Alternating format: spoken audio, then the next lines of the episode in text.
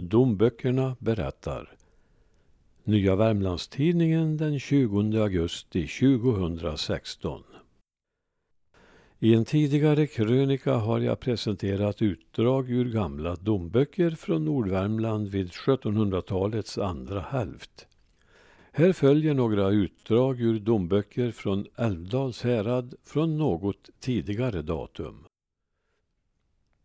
Förståndiga människor som Chris Henning, Jan-Erik Björk, Gunnar Almqvist och Lars Bäckvall med flera har lagt ner tid och krafter på att renskriva domböcker och detta underlättar oerhört mycket för oss som är nyfikna på innehållet men som drar oss för att läsa de gamla besvärliga handstilarna.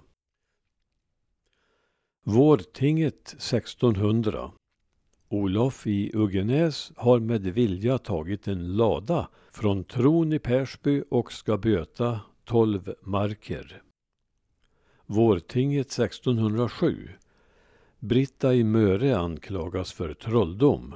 Hon har enligt allmogen lovat enom bonda Tore i Månäs ont. Han blev därvid strax sjuk och sände efter prästen.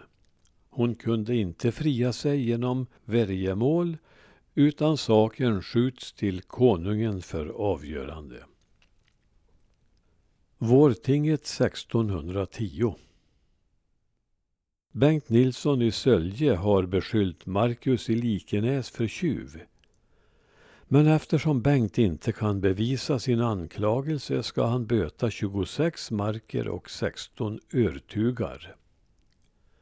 Hösttinget 1623 Håkan Olofsson i Höljes klagar till Sven i Björkenäs att denne har slagit honom ett blodvite i huvudet. Sven ska böta tre marker.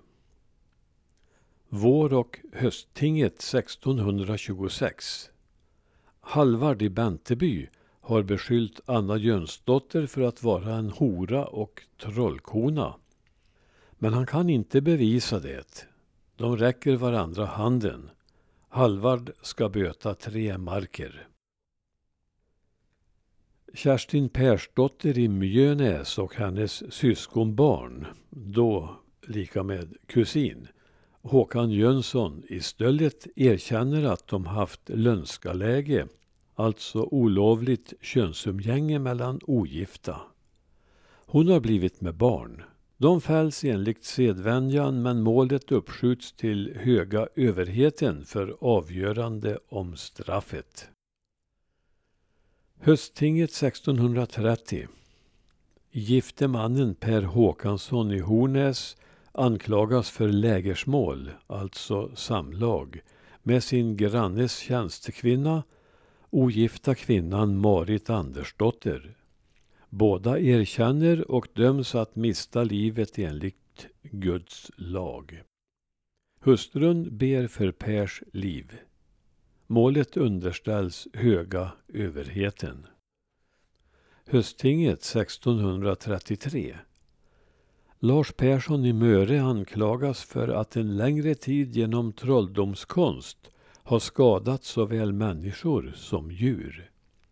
Han ska ha förgjort en häst för soldaten Gunnar Halvardsson och en ko för Per Hansson i Gällsta. Saken uppskjuts för att man ska vinna vidare kunskap. Vårtinget 1634 På följande orter ska finnas gärdsgivargårdar. Gräs, Östra Skymnäs, Stjärn, Lofstrand, Norra Skoga, Stöllet, Osebol, Ambjörby och Likenäs. Nils Halvardsson i Lakenästorp anklagas för att ha tillverkat en falsk riksdaler och utgett den för att vara äkta. Han erkänner sin gärning men berättar att han hade blivit rådd till det av en juteknekt Rätten dömer honom att stånda rätt och underställer ärendet den kungliga hovrätten. Hösttinget 1634 Knut i Gällsta har slagit grannens Håkan Markussons ko så illa att hon har dött. Han döms att betala kon med tre marker bot. Hösttinget 1635. Torkel i Hole döms till tre marker för oljud vid tinget. Samme Torkel döms än en gång för oljud till tre marker. Samme Torkel döms för okvädningsord vid tinget. Samme Torkel beskylls för trolldom. Hans granne Per Klemetsson menar att fyra kor hade mjölkat blod och två hade störtat. Torkel har bett sina grannar avlägga värjemålsed men de är inte närvarande i rätten varför målet skjuts upp till nästa ting. Vårtinget 1636 Jon Torkelsson i Tusta har i oförstånd och druckenskap beskyllt sin far för trolldjävul och döms att böta 40 marker. Hösttinget 1636 Lars Persson i Tönnet har anklagat Engelbrekt Gullbrandsson, Ibid, för att ha stulit hans byxor. Lars har dock inget bevis för detta utan menar att eftersom byxorna var bortkomna i Engelbrekts hus var denne skyldig till stölden. Lars ska böta. Vårtinget 1640 Sone i Råda bötfälls till tre marker för svordomar. Mats i Ambjörby bötfälls till tre marker för det han lade sig ut i en annans tal. Vårtinget 1645 Halvard Olofsson i Nedergården förbjuds vid vite om 40 marker att släppa sin boskap på Lars Nilssons i Lillbergsgården myrslogar. Vårtinget 1646 Mulbetet vid gårdarna i Älvdalen är så klent att födan inte räcker hela sommaren utan boskapen måste födas vid sätrarna. Folket ska därvid inom åtta dagar från budet gemensamt föra boskapen både till och från sätern.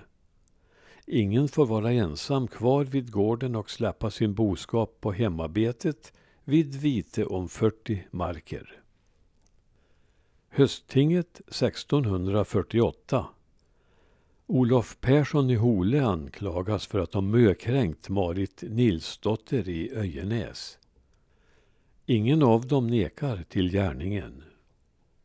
Det kan inte övertalas till äktenskap eftersom Marit hade blivit mökränkt av en annan man.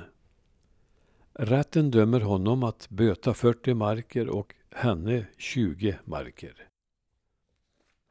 Bengt Jonsson i byn anklagas för att ha legat med nämnda löskona Marit Nilsdotter. De båda erkänner gärningen. De kunde inte förenas i äktenskap eftersom Bengt hade legat med en annan kvinna. Bengt ska böta tre marker och Marit sex marker. Domboken 1705 Pigan Marit Persdotter vid pass 40 år i tjänst hos Jon Håkansson i Hole hade låtit sig besova av drängen Olof Olsson, något över 20 år, på Fähusgällen och fött sitt barn i Säterskogen, dödat fostret och lagt ut det i lönn. Hon hade sagt för Olofs syster Marit att det ej var mer än hon strök bort det med sin kjortel. Marits matmoder Ingegärd Olsdotter hade mjölkat henne och mjölken stirrade. Det ska möjligen stå strilade. Kerstin Jonsdotter i Stommen och Olofs moder Sigrid Olsdotter sade att det grant kunde skönja att Marit varit havande. Rätten kunde ej annat än döma henne för detta sitt brott och grova missgärning till döden och böra i båle brinna. Sakgöreslängd eller böteslängd 1750 Drängen Petter Larsson i Månäs och kvinnfolket Kerstin Olsdotter för med varannan begångit lönskaläge böter han tio och hon fem daler samt erlägga till kyrkan, han fyra och hon två daler. Jöns Andersson i Ransby dömdes att böta tio daler för lönskaläge. I brist på medel att böta döms han till att arbeta med Dalby kyrka. Sakgöreslängd 1751 för lönskaläge erlägger ogifta drängen Sone Eskilsson i Gunneby 14 daler och ogifta kvinnspersonen Ingeborg Olsdotter i Backa 7 daler.